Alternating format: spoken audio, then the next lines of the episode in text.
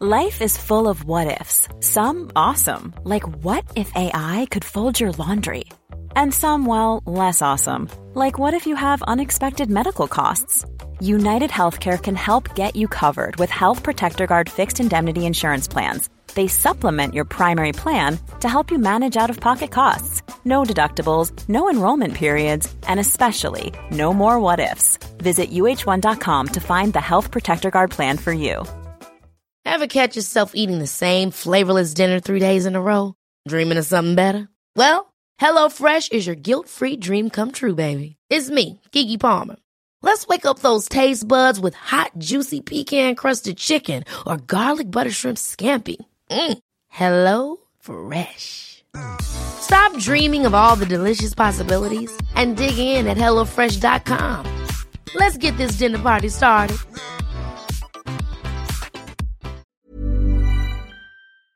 Hallå! Simon Gärdenfors heter jag och snart börjar min podcast Arkivsamtal. Som klipps av min redaktör Marcus Blomgren. Mycket nöje!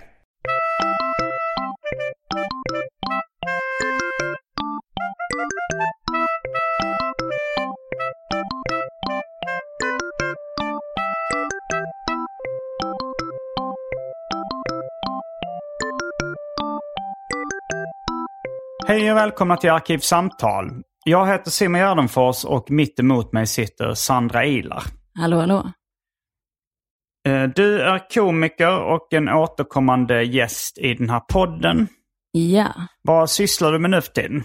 Jag kör supermycket stand-up. Alltså försöker köra så jäkla mycket det går. Kör du på Big Ben? Ja, gratisklubba allt. Mm. I princip. För jag, Bara. alltså jag har i och för sig varit ute på turné den sista tiden. Ja. Men jag har inte sett dig så mycket på sista tiden. Men det kanske, du kanske kom igång strax efter pandemin. Ja, alltså i början av sommaren satte jag igång i, Mm. igen. Och då har jag nog kört fyra gånger i veckan, typ minst. Mm.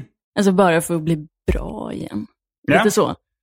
Så du kör mycket stand-up. Har du, vad har du för poddar nu för tiden? Smultronställe. Smultronstället? Ja.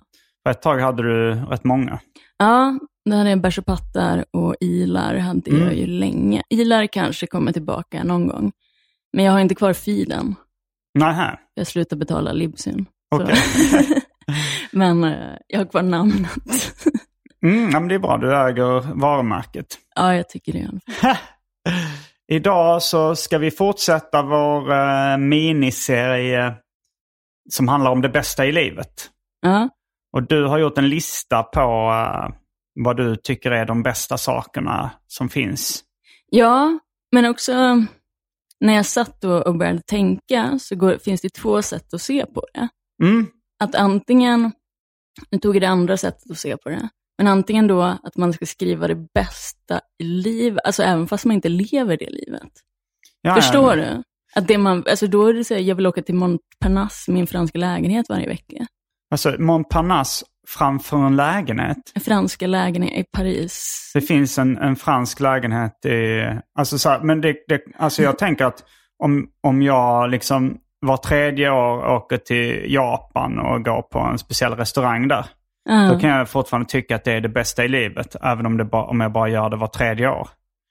ja, för det finns ju också då, om man tänker, om jag hade haft pengar så hade jag velat göra det här. Ja. Allra helst i hela livet. Jo, men, Men då frågan vet man måste jag ändå ha, ha upplevt det för att kunna tycka, för att veta om det är det bästa. Exakt, så jag utgick från Saker mina du- erfarenheter i livet. Ja, jo, jag alltså här, ut att, som att det säga bästa. Så här, det bästa som finns det är att åka till månen. Ja, Men Det, kan, det är bara en fantasi då om man inte har gjort det. Då, Ja, alltså man, eller- Det kanske är pissjobbigt att åka till månen. ja eller är det det önskningar. Ja, det känns mest jobbigt. Som att flyga fast tusen gånger. Ja, men om någon här oskuld ska säga det bästa i livet är sex. Att man så fantiserar om det.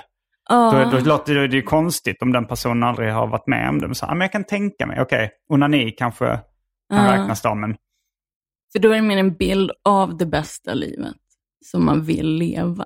Ja, men du behöver än- inte, det behöver inte vara ditt vardagsliv, men du ska ju Mm. helst ha varit med om det du tycker är bäst. Alltså så Ja, du, det, du kan inte säga åka till månen, det tycker jag känns konstigt.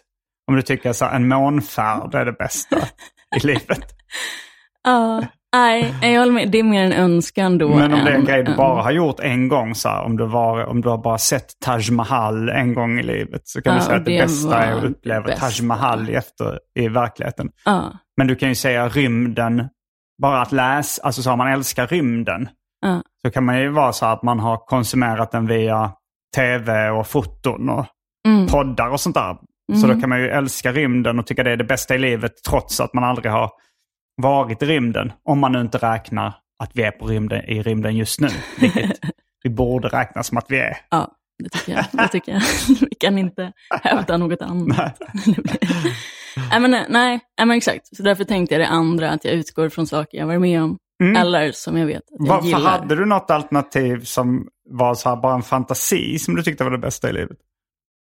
Men så lite, det här man inte har hunnit, alltså. Som jag gillar Svalbard jävligt mycket. Där har jag aldrig varit. Nej, men jag har dålig koll på Svalbard. Till Norge, men ligger ovanför Sverige och Norden. Alltså Finns upp. det isbjörnar där? Ja, så man måste gå runt med Mm. en bössa. Jo, men alltså, det, ja, men du, men du kan ju gilla det för att se det på tv och sånt där. Men när jag väl åker dit kanske jag tycker det är för jävligt. Ja, så kan det ju vara. Så då är det inte... Nej. Nej. Ja, men så, ja. Men det kan Så ju det vara var så att man tycker att så eh, att jag- maffiafilm är det bästa man vet kanske. ja. Men om man vill kanske inte, eh, om, om man kanske fantiserar om att själv bli en mafioso Mm, eller en, en gängkriminell. Ja. Och sen när man väl blir det, om man väl testar det så kanske man hatar det livet. Men man fantasin om det och liksom kulturen som man konsumerar på avstånd kanske är det bästa man vet. Exakt. Och sen går det också att ta det bästa man vet på ett totalt opersonligt sätt, men som är ganska självklarheter. Alltså går det, så här, min hälsa. Ja, Alla fred på jorden. Ja, exakt. I och för sig är det också mer en fantasi, fred på jorden. Men... Ja, ja, väldigt utopiska saker i alla fall. Eller Ja. tillgjord, alltså barn, jag blir glad av. Det? det, det kan, nej. Men, men jag tänker att eh, det kan man då börja lista, men det blir ju himla Varför ska du tomt. lista saker du inte ens tycker om då? Ja, men om jag tar då min familj, tycker jag Ja, om väldigt mycket. och- Men det blir ju för självklart på något. Ja, men jag gillar att du tagit den här uppgiften på allvar. Ja, Du har- du har jag tänkt satt på igenom. min kammare och Um. grubblade. Måste alla rätt. Men innan vi sätter tänderna i din uh, lista så har det blivit dags för det omåttligt populära inslaget Välj drycken.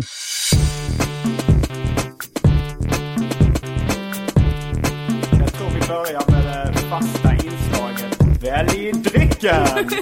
Rött vin, mer passion, Fanta Zero, Hempfi, Budweiser, Bourbon, Nicka Whisky, Amarula Cream, Grand Marnier, Hennessy, Vodka, Bacardi, Malibu, Passoa. Mer passion, Dry Martini, Norrlands Guld 3,5. Eh, och sen har vi medhavt, eh, medhavt kaffe. Som du Ja. har tagit med i en liten termos. Eh, sen har vi häxblandningen, det vill säga alla drycker som fanns i min kyl innan den genomgick en så kallad corporate rebranding. Och för tråkmånsare och nejsägare, vatten. Får jag gissa vad du tar? Mm. Medhavt kaffe. Vill du ha någon side order till det? Ehm, nej, kanske lite vatten. Men Okej. annars, nej. Eh, ja, jag är inne i en uh, nyttig period. Så det därför- är ju, eh, om man ska informera lyssnarna, så är det ju restriktionerna som släpper ikväll. Mm. Så det är förväntningar på att hela Sverige kommer supa ner sig ikväll. Alla kommer supa ner sig. Ja, Jag kommer inte göra det för jag är inne i en nyttig period. nej, det var det Så jag kommer märkte ta när en, du sa det. en eh, mer passion om det finns kvar i min kyl. Annars blir det Fanta Zero. Jag är, tillhör de som eh, anser att eh, rimliga mängder aspartam är nyttigt. Eller i Ja. alla fall inte onyttigt. Det är nog plus minus noll. Mm. Nu släpper restriktionerna. Jag snackar om stand-up och nästan alla gig jag kör framöver är tillsammans med Anton Magnusson. Vår gemensamma show som DN kallade för Väldigt rolig. Men jag har också lite sologig. Biljetterna till alla de här giggen hittar ni på gardenfors.com. Och ni kommer att se mig och för det mesta Anton också i Stockholm, Trelleborg, Lund, Sundsvall, Östersund, Umeå, Göteborg, Linköping, Skövde, Göteborg, Malmö, Borlänge, Gävle, Älmhult, Lund, Alvesta. Och ja, Stockholm också. Det har jag sagt. Vissa, vissa ställen kommer jag till många gånger. Kul va? Men ehm, då är vi strax tillbaks med dryckerna kända från det omåttligt populära inslaget Välj drycken. Häng med!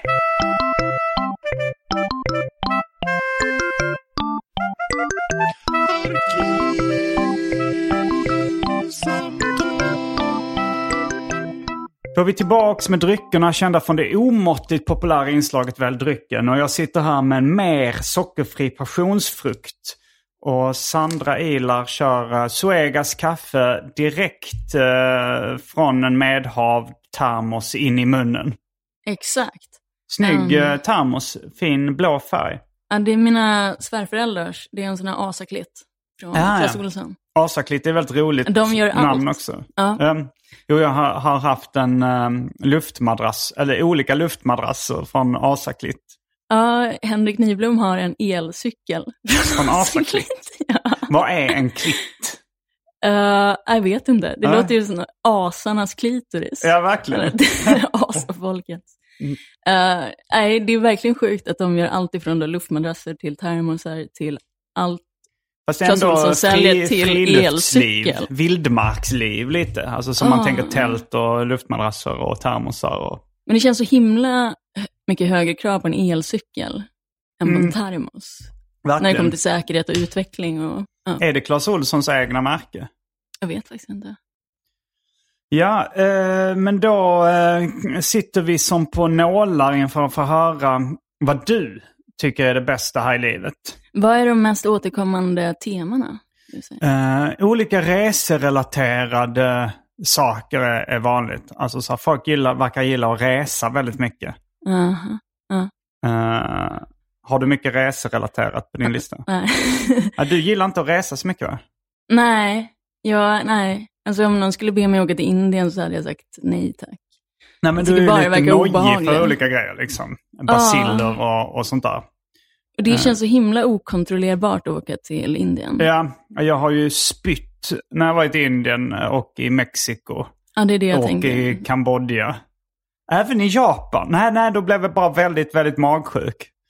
Eh, men, eh, men det får vara värt det. Ja, nej. Jag, inte, jag gillar Europa. EG. Ja. det, det känns relativt tryggt. Och jag har Ja. varit i USA och sånt. Men jag är motsvarigheten till den här backpacken som skulle ut och uppleva världen. Eh, du Noll vill inte hitta dig av- själv i Indien. Nej, nej, Nej. verkligen inte. Eh, nej, men också så här, för jag, när jag satt och skrev så tänker jag så här, ja, också det, just att jag är ganska tråkig som person. Alltså lite som en gammal gubbe på något sätt. Det är inget så här att vara med mina tjejkompisar och hitta Ja, på skoj. Det är väl roligare att vara en gubbe då. Än att vara, eh, än att vara en sån här eh, medelsvensson kvinna. Som äter sushi med sina väninnor och shoppar. Ja, eh, kanske, men det vore ju också enklare. Eller så här, att Varför har ändå du valt finna den någon... komplicerade vägen? Jag tror inte det är något eh, valaktivt sådär. Nej, det, det är ditt bara- öde. Men lite, det är det jag tycker är trevligt. Mm. Alltså att ha det lilla livet, inte det också. stora. Ja, jag, jag vet inte om det var, var det stora livet. Alltså du tänker så här Sex and the Ja, City-klichén. men man vill uppleva mycket och nytt. Och så ta vara på tiden, så här, carpe diem. Du vet, så här, hänga med, så här, få en massa olika intryck. Jag vill så här, ha så lite intryck som möjligt. Jag har saker jag gillar. Du gillar Och så att få det intryck via böcker och sånt gissar på. Ja, exakt. Och det är väldigt kontrollerat. Mm. Det är ju lätt att stoppa om det blir för intensivt. sätta ner boken. Har du känt någon gång att en bok blivit för intensiv? Ja, någon gång att jag varit så jävla bra så att man blir helt knäpp. Okej, sa Ja. ett exempel. Uh, första gången jag läste Kierkegaards begreppet ångest. Sören Kierkegaard. Ja. Eller Ole Lund Kierkegaard. Jag alltså, älskar i och för sig Ole Lund Kierkegaard. Jag har aldrig läst Sören Kierkegaard. Vet du vem Ole Lund Kirkegaard är? Uh, är det barnböcker? Mm, Uh. Han har gjort um, Gummitarsan, Hodjas flygande matta, Otto är en noshörning, Lille Virgil. Ja, men det är många man känner igen. Mm. Och uh, jag tror mest det är Gummitarsan jag har läst. Han är en fantastisk tecknare också. Han tecknar mm. väldigt roliga spottloskor och sånt där. Mm. Och jag har hört ryktas att han söp ihjäl sig. det förhöjer ändå myten. Ja. ja, men det är nog fint med barnboksförfattare som super ihjäl man lever så jävla dekadent. Och så sitter man och gör gummitarsan. ja. Uh, nej, men den bland annat. Vi, bland annat Sören- Sören, Sören. Kierkegaard. Han, eh, vad är det, en bok som handlar om ångest eller vad sa du? Ja, Begreppet jag tror det är även i den, Är det en uppsats eller vad säger man? En, ja det är som, den Om man vill läsa den, vad ska man söka på? riktigt. Den heter Begreppet ångest. Okej, och den var så jävla bra att du var tvungen att lägga ifrån dig den. Ja. Jag Att tror också, var- är det Fruktan till döds den heter? Den? Du det fick finns något någon också. syndrom, liksom motsvarigheten. Ja, men det är, Det har jag fått med, mer visuellt liksom. Alltså så här, när jag var tonåring och så liksom. Var inne i, i seriebutiken Comics and Art. Då fick jag lite så här Stendhals syndrom. Att bara så, åh nej nu är det för mycket. Det är för mycket snygga grejer här. ja, men det, det kan jag, jag tror att om man är en människa som tar in saker väldigt hårt, Mm. så blir det lätt det där. Jag kan tycka det är jobbigt att gå på en utställning som är skitbra. Mm. För det blir, jag blir stressad av att behöva ta in allting. Och att det nästan Mm. börjar göra ont. Jag var på en uh, Pinballs Eye, en spelhall i Borås. Där de hade så mycket flipperspel och gamla arkadspel. Då fick jag lite Stendhals syndrom. Att jag blev så här överstimulerad och visste inte var jag skulle börja. Jag ville göra allt. Och, Ja, ja. ja men verkligen. Så blir, det gör man ingenting och sätter sig i ett hörn. Eller bara se på en tavla skitlänge. Och så går jag. Ja, vanliga konstutställningar eh, är sällan jag blir så påverkad av. Nej, det är sällan jag blir det av så gammalt måleri som anses Mm. vara det finaste. Så mycket så här nationalmuseum. Det tycker jag är pisstråkigt. Mm. Men sen kan det vara en vas Mm. som jag fastnar det är så, här. så det är, ja. Men i alla fall, jag, jag började då med lite lätta saker. Du började Mm. lätt. Ja. Så tog jag först prinsessan Diana. Prinsessan Diana, Mm. Lady Di. Exakt. Eh, det, är, det är något av det bästa i, i livet. Hon är ju inte i livet längre. Nej, Men, men, eh, henne då kanske som ikon hennes- eller myt eller story. Alltså just den Ja. här unga oskulden som gifts bort i den här gräddvita klänningen till prinsen, kronprinsen av England då. Mm. Och förs fram som en offerlamm. Och Hur var, var den? Jag kan inte den storyn, men alltså var det, det var det, var träffades de? Eller? de hade bara träffat ett par gånger. Han var ganska gammal och så var det så här, men nu måste du Prins gänga Charles. dig. Ja, exakt. Och så ville han väl egentligen gifta sig med den där Camilla, som han är gift med idag. Mhm. men som var eh, en del av det här kända uttalandet att det var tre i vårt äktenskap. Som Diana säger efter de har skilt sig. Aha. För då får hon sen veta att han har en relation med... eh, Men varför gifte han sig med Diana då? För att, eh, för att Camilla var en hora. Nej men hon hade knullat och sånt och hade varit gift tidigare och enligt då brittisk sed, Aha. framförallt kungligheter, så får man då absolut inte gifta sig med en tronarvinge. Så det var ju så bara, på grund av de gamla konservativa idéerna som det blev skit, allting Mm. egentligen. För om man då hade fått gift sig med henne från början bara, så hade de ju sluppit alla Diana-skandaler. Och Och du tycker det här är en spännande historia eller? Alltså så här, Men jag tycker just om, alltså Diana i sig, mm. kanske inte jätteintressant som person eller så. Men dels hade hon ju någon så här att folk verkligen älskade henne på något sjukt sätt. Alltså hennes ögon, det är de här hundögonen. Hon är väldigt så här vacker och går runt. Och även det här mm, var bland de första och kungligheterna som kom folket nära, fast egentligen inte då, men bara genom att hon inte bara handskar, hon hälsade och var väldigt bra med att ta folk. Bar hon, Hon blev ju super, hon super populär. Eller hon tog av Hon handsken? tog av handskar. Okej, och det är ett tecken på folklighet? Ja, det gör ju aldrig drottningen. överhuvudtaget. Eh, Även så tog hon folk då under HIV-tiden, tog dem i handen och så för att visa att det inte var farligt. Mm. Men sen så blev Hon, hon, tog hiv-smittad i handen. Ja. Utan handskar. Ja. Men sen så blev Skulle hon du ju så... göra det? Ja. det är ju sällan man ställs inför det valet. man vet inte. Man, Ah, ja, nej, jag vet inte om jag har träffat någon hiv-smittad. nej, inte jag heller. Ja. Eh, Men, eh, men jag- alltså, hon blev ju bara så sjukt jävla populär. Och prins Mm. Charles blev ju jätteavundsjuk och gillade inte henne och allting var ju dåligt nästan hela tiden. Hon hade bulimi och så kastade sig ner för trappen och försökte ta livet av sig och sånt där. Mm. Som att hon fick kungarike och prinsen men var jätteolycklig. Och sen till slut Mm. skilde de ju sig för att det var ju dåligt nästan hela tiden. Ah, var, var de skilda när hon dog? Ja, och så blev hon då, eh, levde ensam då. Hon hade inte varit ihop med han, eller så här, dejtat han som hon dog ihop med. Det var ju han Harrods, ägarens son, rik jävel, som hon Mm. hade varit på semester med. Stannade hon till ett tag i Paris på Ritz, satt där, eh, skulle åka så var det en massa paparazzi som följde och så körde de ihjäl sig i en tunnel. Men de två har blivit förknippade med varandra, fast de inte hade dejtat så länge. På grund av att de dog ihop. De var äh, älskare. Ja, typ, typ. Det, Ja, hur men gammal fall, var du bara när, så här, när hon Diana, dog? 97 var det. Eh, så då var jag nio. Nio, okej. Eh, Då kan jag tänka mig, då är det ändå ett barn. Alltså för jag kommer ihåg när Lady eh, Diana dog. Eh, då bodde jag ihop med en kompis och så ringde hans kusin. Eh, och kusinen var kanske 18 eller 17 eller något sånt där. Mm, Och, eh, och jag svarade i telefonen, det var på den tiden man hade fast telefon. Så jag småpratade lite med hans kusin då som var 18-17. Och han hade, var, berättade att han var väldigt eh, berörd av prinsessan Dianas död. Mm. Och jag kände, är, är du dum i huvudet?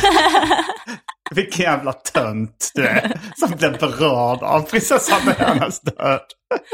men jag tror inte, alltså just Men då, om man är nio och tjej fattar jag det mer. ja, men det var mer, jag visste lite vem hon var. Alltså mycket av det här är ju, alltså prinsessa Diana är också lite en bild av så här brittisk, att jag gillar Storbritannien väldigt mycket. Och min du familj gör det. Och vi har, Anglofil, ja. Ja, och att vi har brittiskt påbrå och sånt där. Så det är Mm. lite allt det där min morsa och farsa gillar jättemycket. De säger jag blev till på vägen till England och sånt där. Alltså de är Du blev till på vägen till England. ja, på båten över. De åkte dit på Någonstans mellan Dover och. Calais. Ja. så, det, så det är lite någon slags symbol för hela det brittiska på något sätt i familjen. Jaha. För jag minns väldigt tydligt då att vi satt och åt frukost där på morgonen, morgon-tv. Mm. så kom mamma ner för trappen, så att jag där med pappa och så sa han så här, Hon kastade sig ner för trappen. Som Lady Diana, som en hyllning. hade varit uppe och kräkts, och så vidare. Och så säger han då, Diana är död till henne. Mm. Så hon var så här, åh herregud! Så, här, du vet, så, här. så himla dramatiskt. Så då minns jag att jag blev så här bara, vad är det som har hänt? För att mamma blev så himla chockad. Så det så här förhöjde som, att, för då kände jag igen henne lite, jag visste lite sådär vem det var, men inte riktigt. Jaha, ja, Men just att du... mamma reagerade så starkt så blev det så här, vem är det som Men hon gillade Lady Diana. Ja, jo. jo. Men sen så blev det också landsorg i hela England och så brittiska monarkin höll på att gå under för att de vägrade hissa flaggan utanför Buckingham Palace. Mm. Varför Eh, vägrar de det? För att hon inte längre var en del av kungafamiljen. Ah, så ja, då ja. gör man inte det helt enkelt. Nej, nej. Men det blev, så till slut behövde drottningen gå ut i media bara för att lugna folk. Mhm. Mina släktingar har för övrigt varit med och byggt Buckingham Palace. Har dina släktingar byggt Buckingham Palace? Mm, de var byggherrar Okej. eh, på några av etapperna. Den är byggd lite eftersom. Men, Mm. ja. Grattis. Tack, tack. Eh, är vi klara med Lady Di? Exakt, det är vi. Uttalas det samma sak som om man ska säga, eh, alltså som dö? ja. Det är roligt. Ja. Ja. Lady died. Die lady. Men det är mer henne som, jag tycker inte hon, jag tycker Janis Joplin är en betydligt intressantare person. Men Mm. Lady Diana är mer en ikon på något Mm. konstigt sätt. Ja, som jag gillar. Jag fattar. Mm. I viss Sen mån. på två har jag tagit orgelmusik. Orgelmusik. Ja. Du har den eh, sjukaste listan hittills. Jaha, Alltså topp, de här två grejerna. Lady Diana och orgelmusik. ja, men det ligger ganska långt ifrån uh, min lista kan man säga. Ja, alltså jag gick ju ur kyrkan så fort jag fattade att det gick. Mm. Så det är inget så kristet eller någonting. Men Nej, jag nej, älskar att gå in, för det är ju att kyrkor och orgelmusik finns. Så det är dit man går Mm. om man vill ha det pampiga Bach. Ja, om man, du, men lyssnar du på det ibland på Spotify eller? Lite, men det är inte samma grej. Nej, det ska vara live. Orgelmusik ska upplevas live. men det är också, ja men lite släcker Jag får nog lite ångest av det faktiskt. Ja men det är ju någonting döds... Den är ju mäktig. Ja, ja, ja, det- det är lite- Jävla grej. Vad heter det? Dramatiskt eller vad man säger. Ödesmättat Ja, är det verkligen. ja.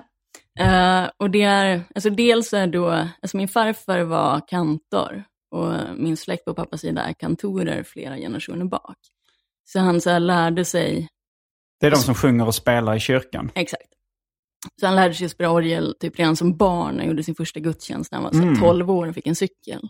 Så alltid när vi var i Alunda utanför Alltså, han Uppsala. var 12 år och fick en cykel. Ja, för att han hade fixat och ha en gudstjänst vid orgeln. Okej, aha. Och han var så här supermusikalisk, kunde spela allting och blev, de bodde i Alunda utanför Uppsala som är ett litet samhälle. Mm. Och där var han så här, dels hade var han kantor, hade hand om alla körer och all kyrkomusik, men också var musiklärare. Eh, hade hand om alla så här bröllop och sånt där som skedde. Så han hade som med all musik att göra och spela allt musik så fort man vaknade hemma och så höll på med något instrument. Bodde han hemma hos er? Nej, men när man sov hos farmor och farfar så Mm. vaknade man till att han Av att han spelar orgelmusik? Ja, Han hade ingen hemma. Men satt kanske vid pianot eller satt och klinkade på något annat. Dragspel eller vad fan som helst. Mhm, mm. Spela jämt. Eh, begravdes med en fiol. Att, Vad sa du?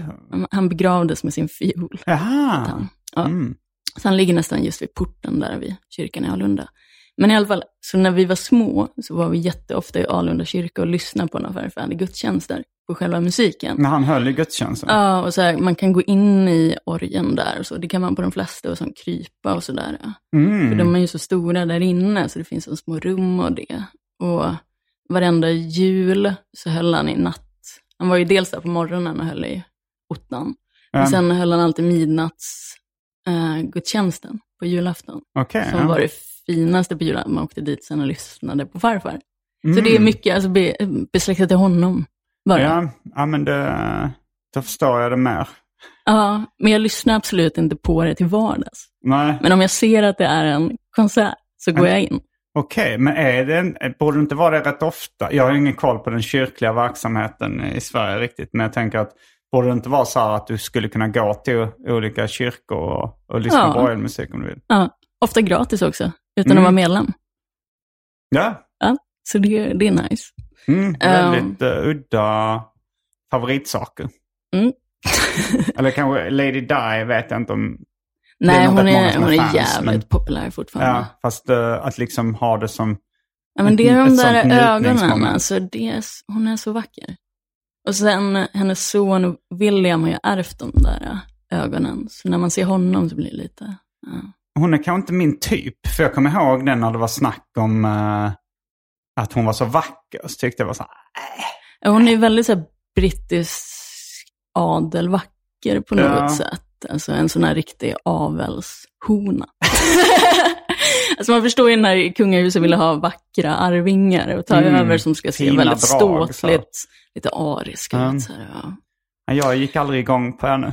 Nej, men också att hon är lång och det. Prins Charles ser ut som ett jävla, Mähä. ja verkligen. Och var mycket kortare och ja.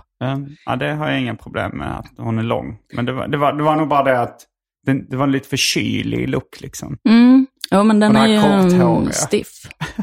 Ja, nej, det var populärt då. Ja, verkligen. Det var ju Mm. det här eh, Madonna, eh, Annie Lennox, Marie Fredriksson. Ja, ja Ja, verkligen. Mycket örhängen Ja. och kort hår. Eh, och då nästa tredje, den är väl kanske lite mer relaterbar för dig Mm. också, för de flesta tror jag. Och det är då själva att skapa, skrev jag bara. Att jag Mm. behöver Kreativt producera skapande. och göra någonting som ger mig tillfredsställelse. Mm. Ja, det kan jag ju absolut uh, relatera till. Och det kan vara olika, alltså det, det var väl som dig också, att du jobbar med flera olika medier, men det kan vara allt ifrån att jag har suttit och skrivit på morgonen, mm. till att då skriva skämt eller producera bilder, eller bara så skapa... Vad är det för bilder du producerar? Sitta och måla bara, eller så här. Målar du? Jag, jag sitter och tecknar mycket. Mm. Att jag tycker det är kul. I blyerts eller? Ja. Okay. Och ibland lite annat. Kol. Okej. Okay. Ja, jag känner inte riktigt till att du Nej, men det är sån här, äh, bara så här, hålla igång-grej. Mm. Jag sålde lite under pandemin. Ja, nu, att... nu börjar jag minnas. Nu ja. börjar det komma tillbaks till mig. Ja. Eh, eller bara så skriva texter, mm. vad fan som helst. Eller så här, som när jag sitter och skriver, så jag sitter och skriver uppsatser och sånt där. Man producerar ett sammanhållande stycke mm. som man jobbar på varje dag mot något mål. Mm. Ja, jag håller på att skriva ett filmmanus nu det, det är rätt, uh, rätt kul när det går bra. Alltså när det är motigt och man känner att det inte går så bra, då är det rätt jobbigt. Men just de där dagarna emellan innan man hittar nästa. Innan man har, hittar du, nästa. har du hamnat i dem någon gång? Att du har haft ett projekt länge mm. och jobbat på. Och sen så är du klar med den. Mm. För jag får sällan någon tillfredsställelse av den färdiga produkten. Då är det mer så här, äh, nu vill jag vidare. Ja, det är lite oklart när liksom njutningen kommer in i bilden. Ibland kan det ju vara liksom medan man sitter och skriver och man, man fnissar till till något skämt eller något sånt där. Man, man säger, fan det här, det här var kul, det här kommer mm. att bli bra. Och ibland är det tycker jag när, alltså om jag har en visning eller, alltså för mina problem. Mm. Om man ser att folk skrattar jättemycket åt en viss grej, då kan jag ju få en, en kick av det också. Ah, yeah. Och ah. um, ibland om man får en komplimang eller sådär, alltså så när någon skriver så här, fan vad bra din standup-föreställning var. Uh. Uh, då blir jag också glad liksom. Uh. Så det är, det är olika delar av, och sen ibland liksom på scenen eller liksom. Men, och, men även liksom under själva den kreativa processen när man skriver tycker jag det kan vara rätt. Ja, men just när de kommer till en lite också, idéerna, mm. och man får den där uh, nyckeln. Mm. Men just den här vilsenheten är mellan två saker. Mm. Är totalt så här bara existentiell vilsenhet. Alltså jag känner mig inte som en människa. Typ. Om du har liksom gjort klart en stand-up special och ska börja på nästa eller? Eller inte vet om jag ska börja på nästa. Eller om jag ska Nej. börja på nästa. Alltså jag har inte det där projektet ah, som jag håller på med. Det är så sällan jag är klar med alla projekt. Att jag bara, att det bara helt fritt liksom. Uh. Det är nästan alltid, jag är nästan alltid mitt uppe i minst en grej. Jag tycka det är lite stökigt. Att vara uppe i olika grejer samtidigt. ja. ja, det är det Jag tycker nog om att ha. Men jag kan inte hålla mig riktigt liksom. Det är uh. så här, nu har jag ute på en turné och jobbar på, på att göra en ny liksom, stand-up-timme. Men, mm. men jag kan inte ha, men det, det är ju det, det, är svårt att liksom ägna hela dagen åt det. Uh. Så jag, jag håller ju även på med ett filmmanus då. Och håller på att göra lite, jag har gjort någon låt med Anton och jag kan inte riktigt hålla mig från att bara liksom koncentrera mig på en sak. Även om jag håller med om att det är stökigt. Jag hade kanske egentligen bara velat göra en sak i taget. Ja. Innan Men... gjorde jag ännu mer saker i taget. Då var det ju musik, tecknade serier, stand-up, eh, poddar och kanske en sitcom samtidigt. Mm. Jag vet inte om jag har gjort allt det samtidigt, men det har varit lite för mycket liksom. För det är nog skönt också i det där, att ha mycket samtidigt. Mm. För man slipper tänka så mycket på en själv. Eller man har alltid, man är uppe i allting. Ja, men det är skönt. Jo, det är det Man, det är ju det är lite... Planning for your next trip? Elevate your travel style with Quince. Quince has all the jet-setting essentials you'll want for your next getaway. Like European linen premium luggage options, buttery soft Italian leather bags, and so much more. And is all priced at 50 to 80% less than similar brands. Plus, Quince only works with factories that use safe and ethical manufacturing practices. Pack your bags with high-quality essentials you'll be wearing for vacations to come with Quince. Go to quince.com/pack for free shipping and 365-day returns. Cool fact: A crocodile can't stick out its tongue. Also, you can get health insurance for a month or just under a year in some states. United Healthcare short-term insurance plans, underwritten by Golden Rule Insurance Company, offer flexible, budget-friendly coverage for you. Learn more at uh1.com. Quality sleep is essential. That's why the Sleep Number Smart Bed is designed for your ever evolving sleep needs. Need a bed that's firmer or softer on either side? Helps you sleep at a comfortable temperature? Sleep Number Smart Beds let you individualize your comfort so you sleep better together. JD Power ranks Sleep Number number 1 in customer satisfaction with mattresses purchased in-store. And now, save 50% on the Sleep Number limited edition Smart Bed for a limited time. For JD Power 2023 award information, visit jdpower.com/awards. Only at a Sleep Number store or sleepnumber.com. Ångestdämpande eller vad man ska säga. Att man hinner inte grubbla, man hinner inte känna efter så mycket. Nej. Utan man bara kör på. Jag, vet, eh, jag lyssnade på en intervju med David Sundin som har skitmycket just nu och haft det senaste åren, komikern. Och, och han sa... Vad var det för en podd eller? Ja, eller om det bara var någon tidningsgrej. Jag minns inte, men de intervjuade honom i alla fall. Och då sa han det här att han tidigare tackade ja till typ allt. Mm. Och att det händer ju så mycket i hans liv. Och att det har gått så Ja. jävla fort. Mm. Men att han har börjat tacka nej, dels då säkert hälsomässigt lite, Mm. att slippa ha fullt upp jämt. Men också för att hinna ta kontroll över vad man vill i sin karriär. Just alltså förstår det. du, stanna upp lite och se vilken riktning man vill. För Mm. när man bara tackar ja, eller så bara ångar på, då styrs man ju lite av andra Just det. bara. Eller vad som finns tillgängligt. Ja. Ja, Jag, har ju, jag slipper lite det problemet eftersom jag har varit så vulgär. Så, eh, så att liksom det är väldigt sällan folk ber mig att göra någonting. Nästan allt jag gör är på eget initiativ. Mm. Ja, men så är det ju för mig också. Alltså man skapar sin egen eh, skapande på något sätt. Ja. Genom att komma på idéerna. Jo, men jag tror det är det. Om, om man hade varit liksom en mer eh, barnvänlig, familjevänlig komiker som är framgångsrik. Ja. Då hade man ju fått mycket mer erbjudande som man kanske inte är så sugen på. Nej. så här, kom och, eh, ja, men kom och uh, var konferencier på eh, Rädda Barnen-galan. Liksom, eller något sånt där. Ja. Och så här, nej det vill jag kanske egentligen inte. men det är bra betalt. Liksom. Ja. Ja, men exakt. Och att då, ja. Så det är fördel och nackdel med det. Jag säga. Man tjänar mycket pengar. ja. Man blir folkkär kanske. Mm. Men det är svårare att då nischa eller så här. Bli, Svårare att kanske, ja men svårare att göra det. Man, man kanske inte riktigt vet vad man exakt själv vill. Nej. När man, när man liksom skapar sina egna sammanhang så, här, så då, då blir det exakt det. Det är det här jag vill. Ja. så här, vill... Alltså jag är osäker på om David Sundin egentligen vill, det han helst vill är att göra ett barnprogram. Liksom. Ja. Kanske det, jag vet inte. Ja. Jag tänker också stand-upen. Att äntligen få tid att köra stand-up.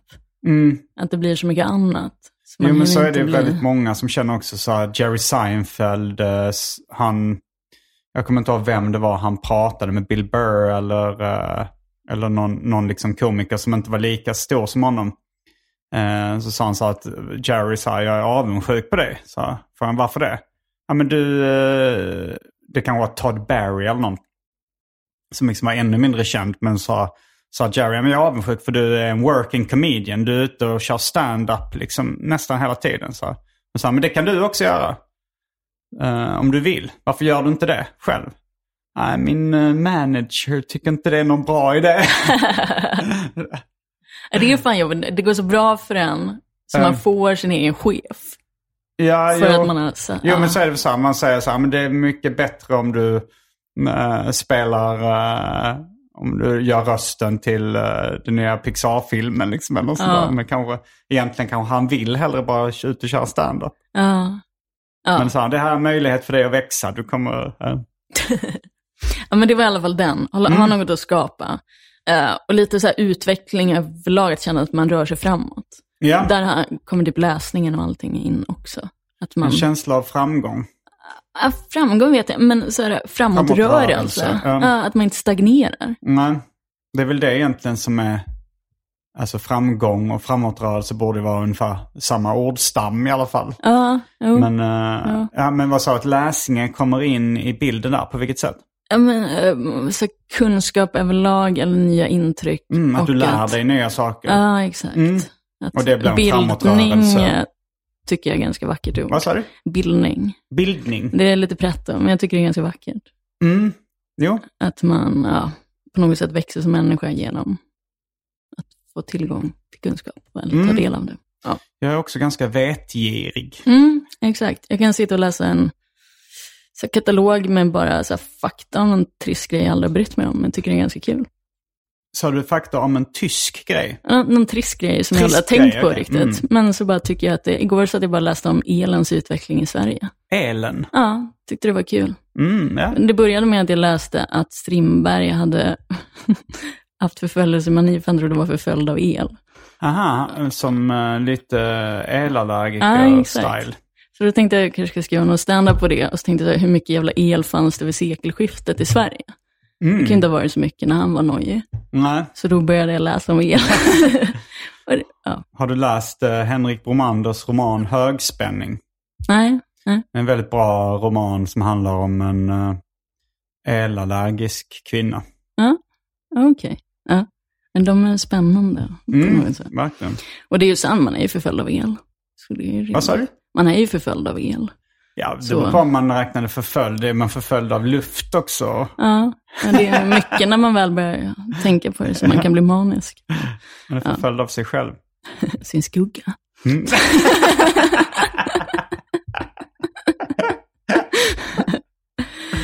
Ja, men eh, fyra då skrev jag bara smutsig stand-up. Källare. Mm. Alltså det är ju det jag gillar med stand-up, att det är skitigt och jävligt. Och du gillar egentligen inte smuts och bakterier och sånt där? Nej, men jag gillar när det är smutsig stämning. Ja, ja du gillar smutsigt språk, Ah. smutsigt folk, smutsigt land. Men det är väl, alltså min man är punkmusiker och det är lite samma på den scenen.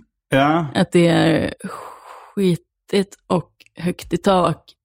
Lågt Kul. i tak eh, rent fysiskt men högt i tak Ah, rent ex- konstnärligt. exakt, men det är den typen av, jag gillar inte teaterstandup.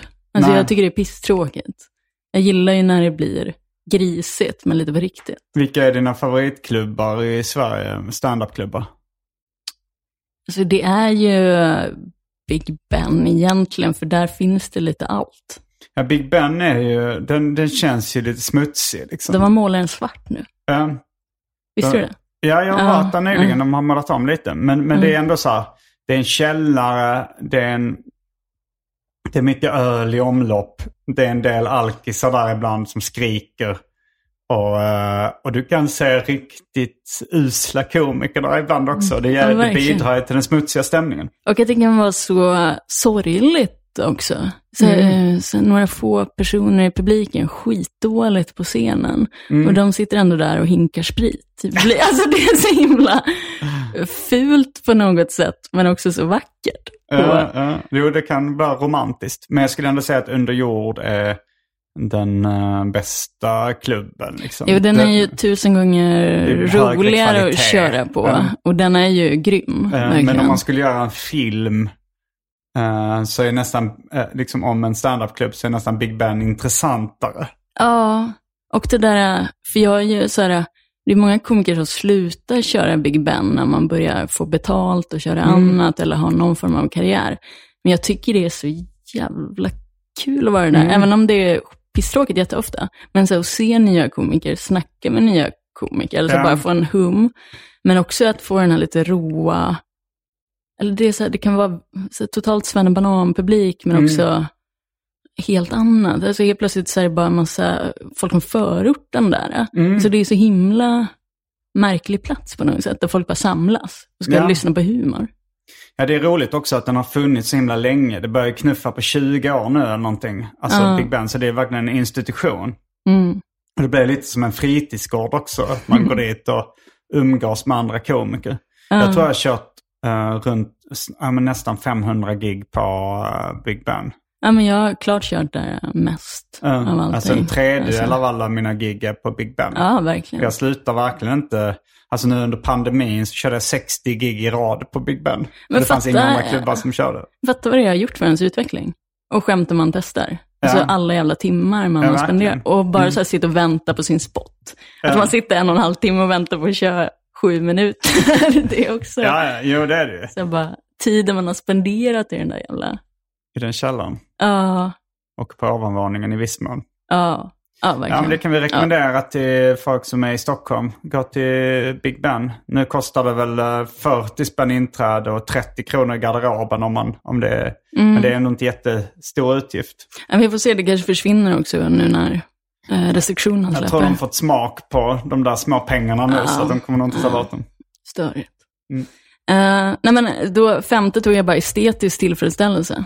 Okay. Och det var väl lite det vi var inne på, det här när det nästan blir smärtsamt. Men ja, att, Stendhal syndrom. Ja, uh, men framförallt att jag väldigt mycket gillar form. Mm. Eller konst eller arkitektur. Alltså sen vi snackade är... om det, att jag, jag sa att uh, alltså innan jag umgicks med, med tecknare så, så var det liksom många som var intresserade av färg och form. Men du är mm. väldigt intresserad av eh, inredning och kläder och färg och form i, i största allmänhet. Mm. Så jag tyckte det var extra kul att visa upp min lägenhet för det, för jag vet att du liksom ser den. Ja, och den är super, super fin. Och verkligen att man ser att du kan färg. Mm. Och hur de samarbetar. Ja, jättefin. Men eh, det är verkligen någonting som jag, så här, jag kan sitta timmar och bara kolla på objekt som jag tycker är formgivet vackra. Mm. Ofta äldre skapelser är framför allt, ska jag säga, när det var riktigt hantverk. Alltså så ja, så tycker jag är väldigt inne på grafisk formgivning. Ah. Men jag tyckte också när datorerna kom in i bilden så sjönk den allmänna kvaliteten ganska markant. Ah. Alltså det, det, är klart att det finns väldigt mycket snygga eh, grafisk formgivning som är gjort med, med hjälp av dator också.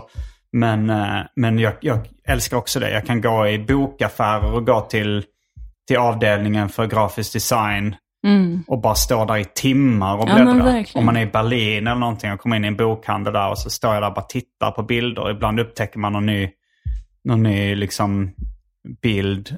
Alltså det kan ju vara typ en poster från någon mm. gammal film eller någonting som man bara, alltså som jag typ tappar andan av. Bara, så, ja, men verkligen. Herregud vad det här var snyggt. Ja, och jag kan verkligen ta det över alltså hur många former, alltså dels sånt. Mm. Alltså, så länge det bara är så himla tillfredsställande rent estetiskt, om mm. man får någon. Det kan vara foto eller alltså, mode.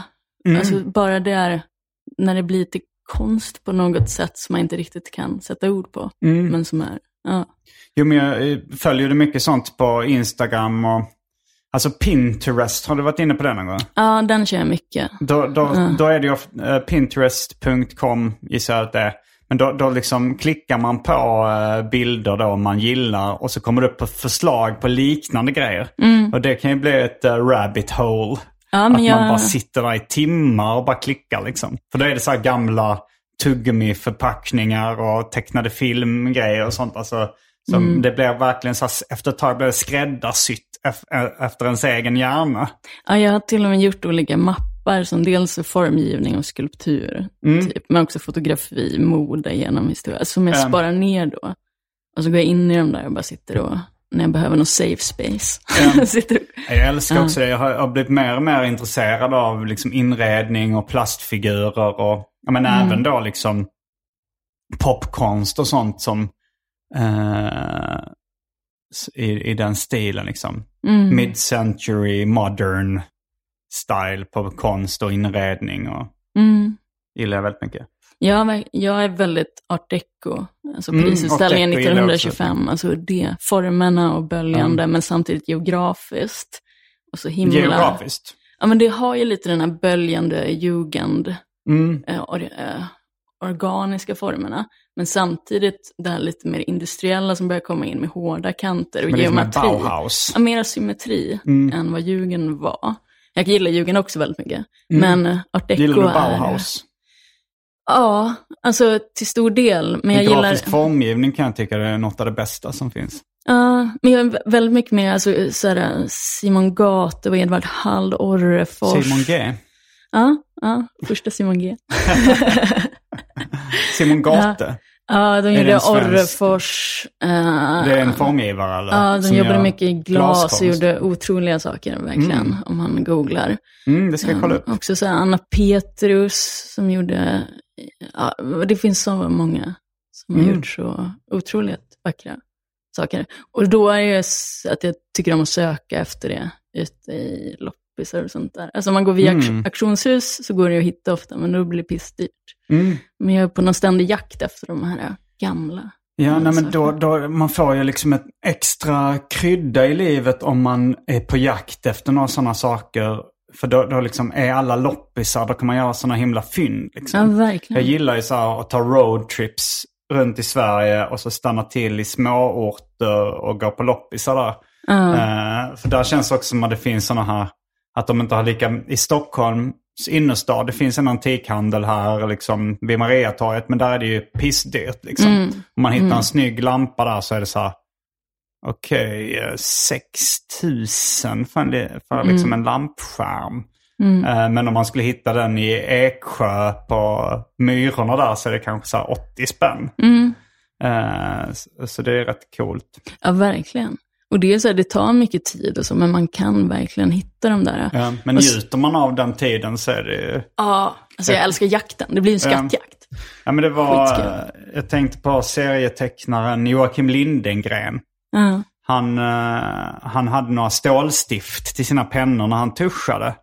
Som han, han, det var någon annan tecknare som liksom han eh, visade upp liksom hur han gjorde när han tecknade. Så, här, så var det så att man var tvungna att värma upp dem lite, stålstiften, för att de skulle bli tillräckligt mjuka för att kunna använda.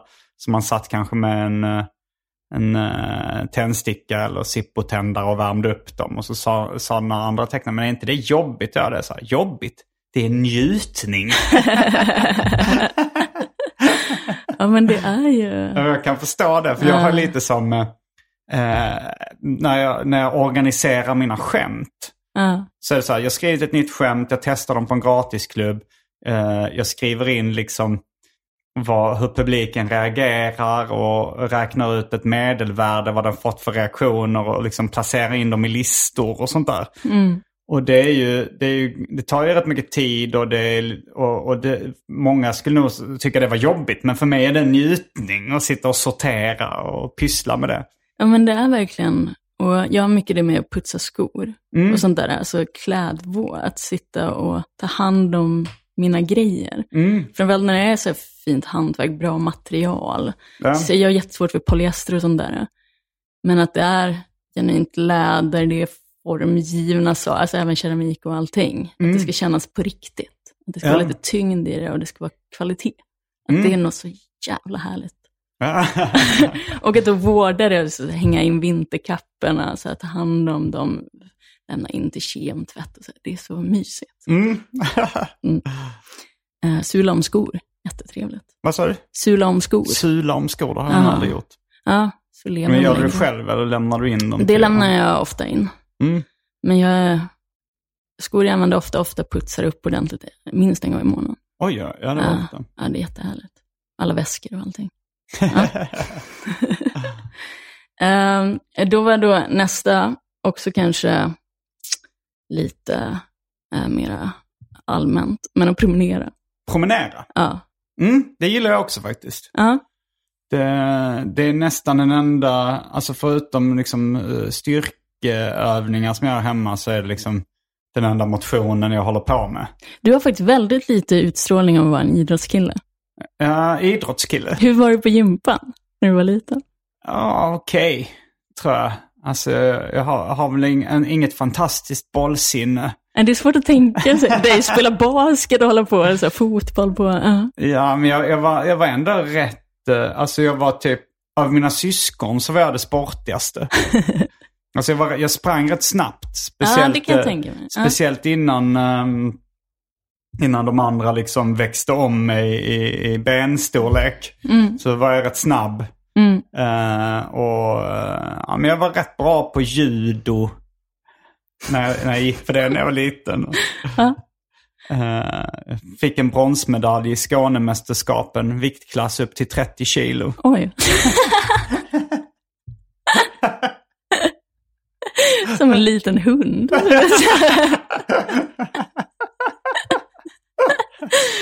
Jävla litet. Ja. ja. ja, men det är i alla fall. Ja. Men promenera är någonting som jag alltid har gjort skitmycket. Mm. Alltså dels är jag uppvuxen med hundar, Men Okej, min ja. pappa är också så. Och alltid när jag kommer till en ny stad eller om man reser runt med stan, jag går överallt. Mm, och du är norrlänning också. Ja.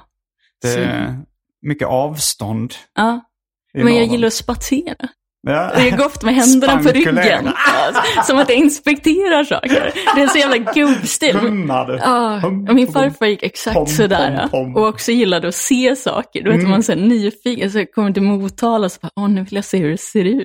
Mm. Ska jag gå runt och inspektera med händerna på ryggen. Lyssnar du på podd eller musik eller är det uh, barbacka? Eh, ofta barbacka, Mm. men jag har blivit mer att jag börjar lyssna på podd. Mm. Ja, podd eh, gör jag oftast liksom, men, Mm. men jag kan... eh, eh, alltså bara, bara i, häromdagen så skulle jag... Jag skulle liksom... Jag ska spela in en special på Laugh House. Mm. Så tänkte jag ja, men, inspektera lokalen lite. Eh, och då, då är det bara så här, men det var kanske en 20-25 minuters promenad dit. Mm. Eh, och jag tänkte, jag är inte helt hundra på de har öppet, men ifall, uh, ifall de inte har det så är det i alla fall en trevlig promenad till Gamla stan. Mm. Och då gick jag bara så här och lyssnade på en podd och så var det stängt och så gick jag tillbaks. Och sen, Ja.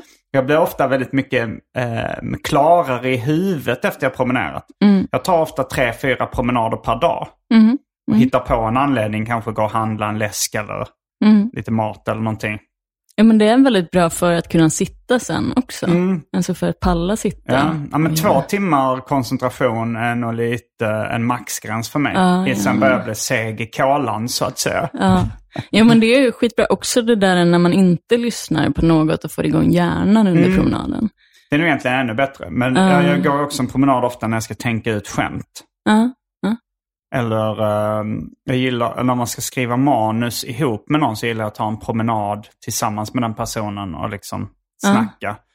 Eh, det har jag också hört att det, det sätter igång kreativiteten. Ja, men jag sätt. tycker också det är trevligare än att sitta still på ett café och fika, att ta varsin kaffe och gå runt. Mm, Att det blir som bättre på något sätt. ja, det, det gillar jag också. Ja. Ehm, så det var den. Um, då väl nästa då, det är det enda som är på något sätt en plats. Då, Okej. då är Mm. det Abisko. Abisko. Ligger ovanför Kiruna. Okej. Eh, ja, jag har varit i Kiruna. Mm. Jag har varit i Jukkasjärvi. Mhm, där Ligger är mina föräldrar gifta.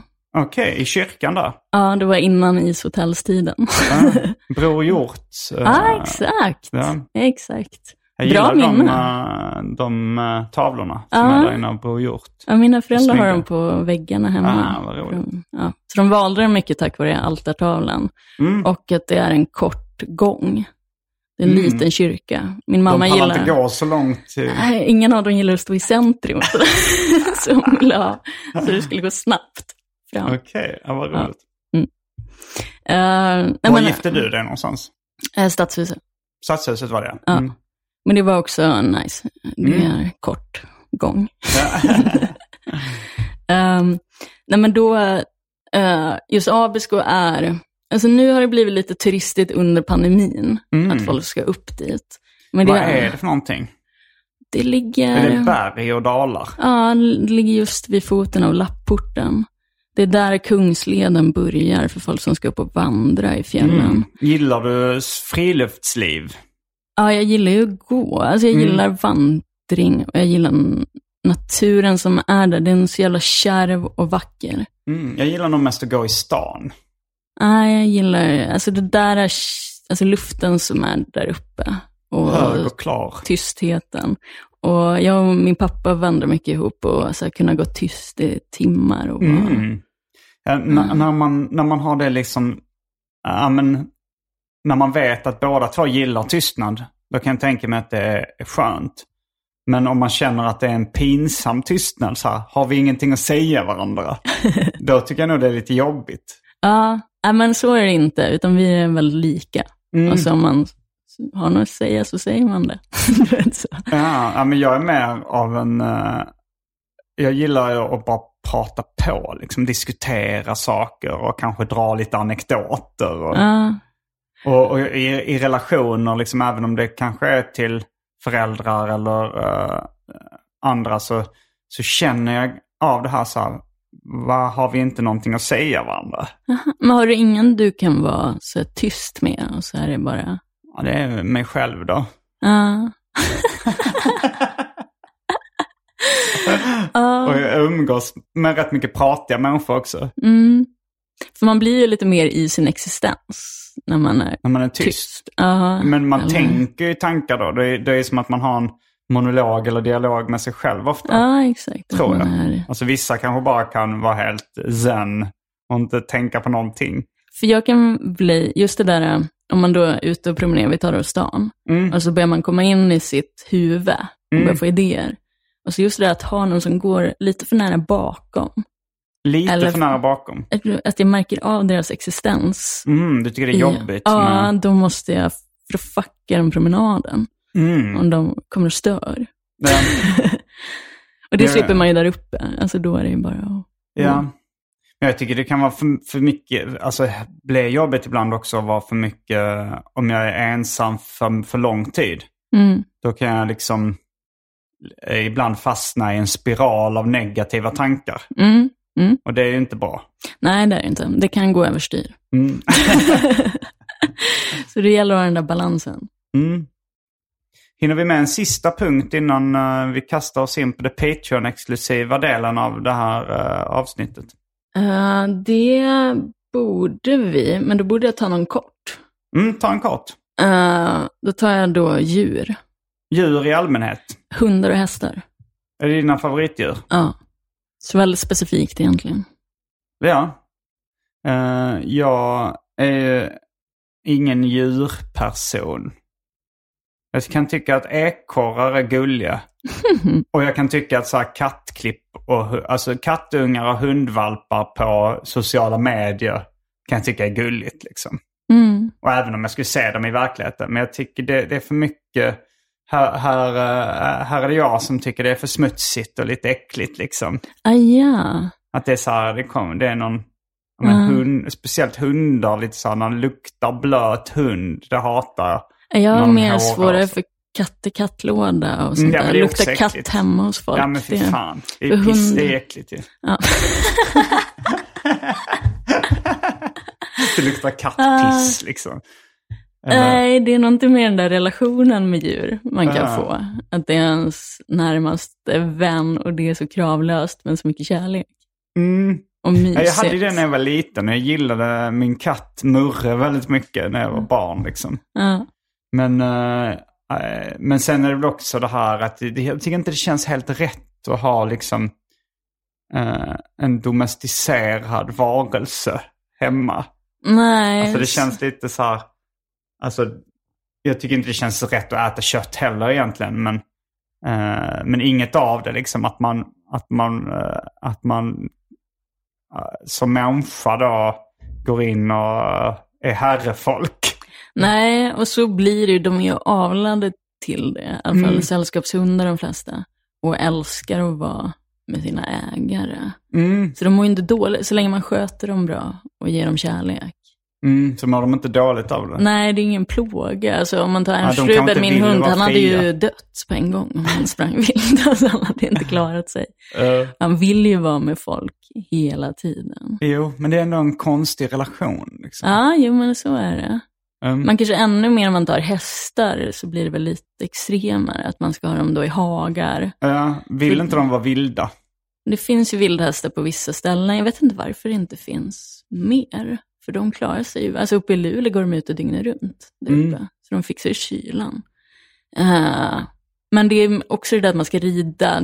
För jag tycker om att sticka ut i skogen och galoppera. Det är ändå ganska naturligt. Att sätta Ja. sig på en häst och göra.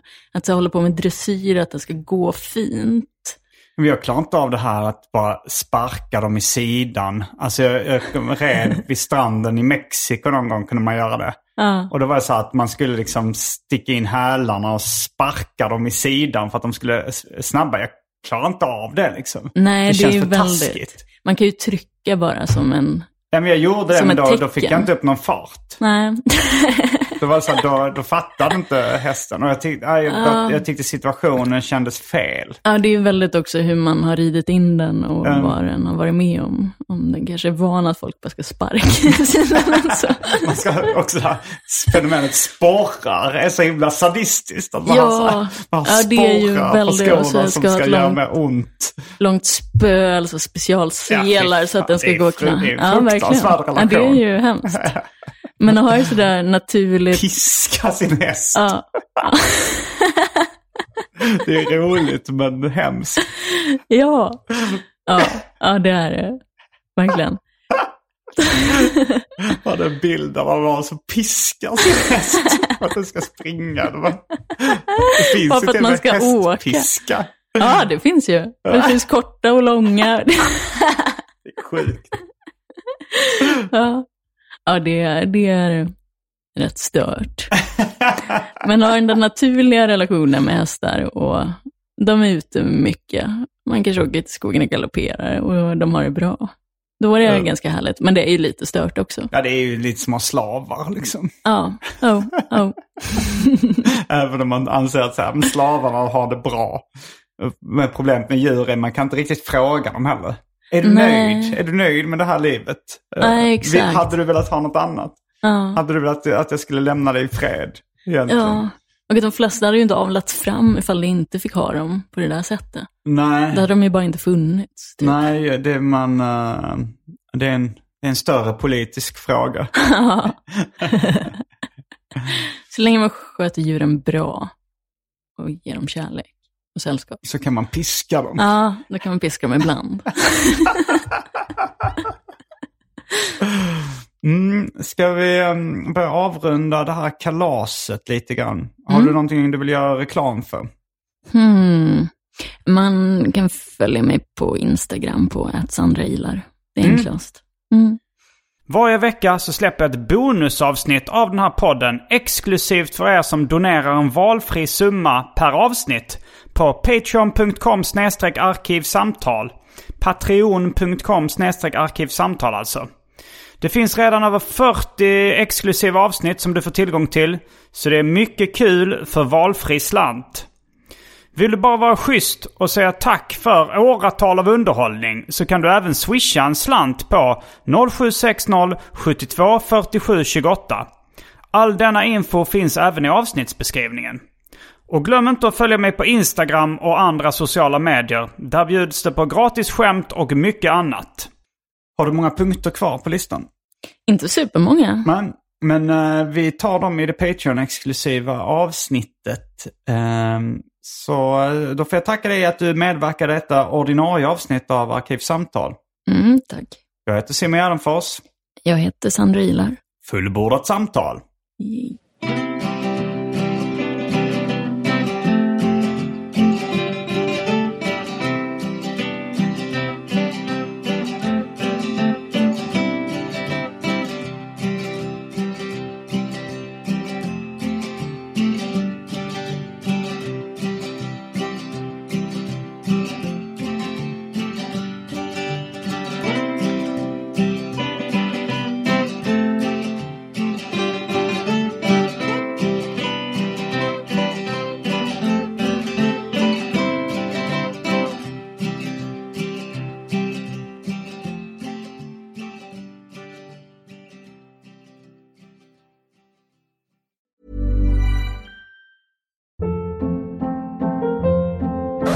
Hold up. What was that? Boring. No flavor. That was as bad as those leftovers you ate all week. Kiki Palmer here, and it's time to say hello to something fresh and guilt-free. Hello Fresh. Jazz up dinner with pecan-crusted chicken or garlic butter shrimp scampi. Now that's music to my mouth. Hello Fresh. Let's get this dinner party started. Discover all the delicious possibilities at hellofresh.com.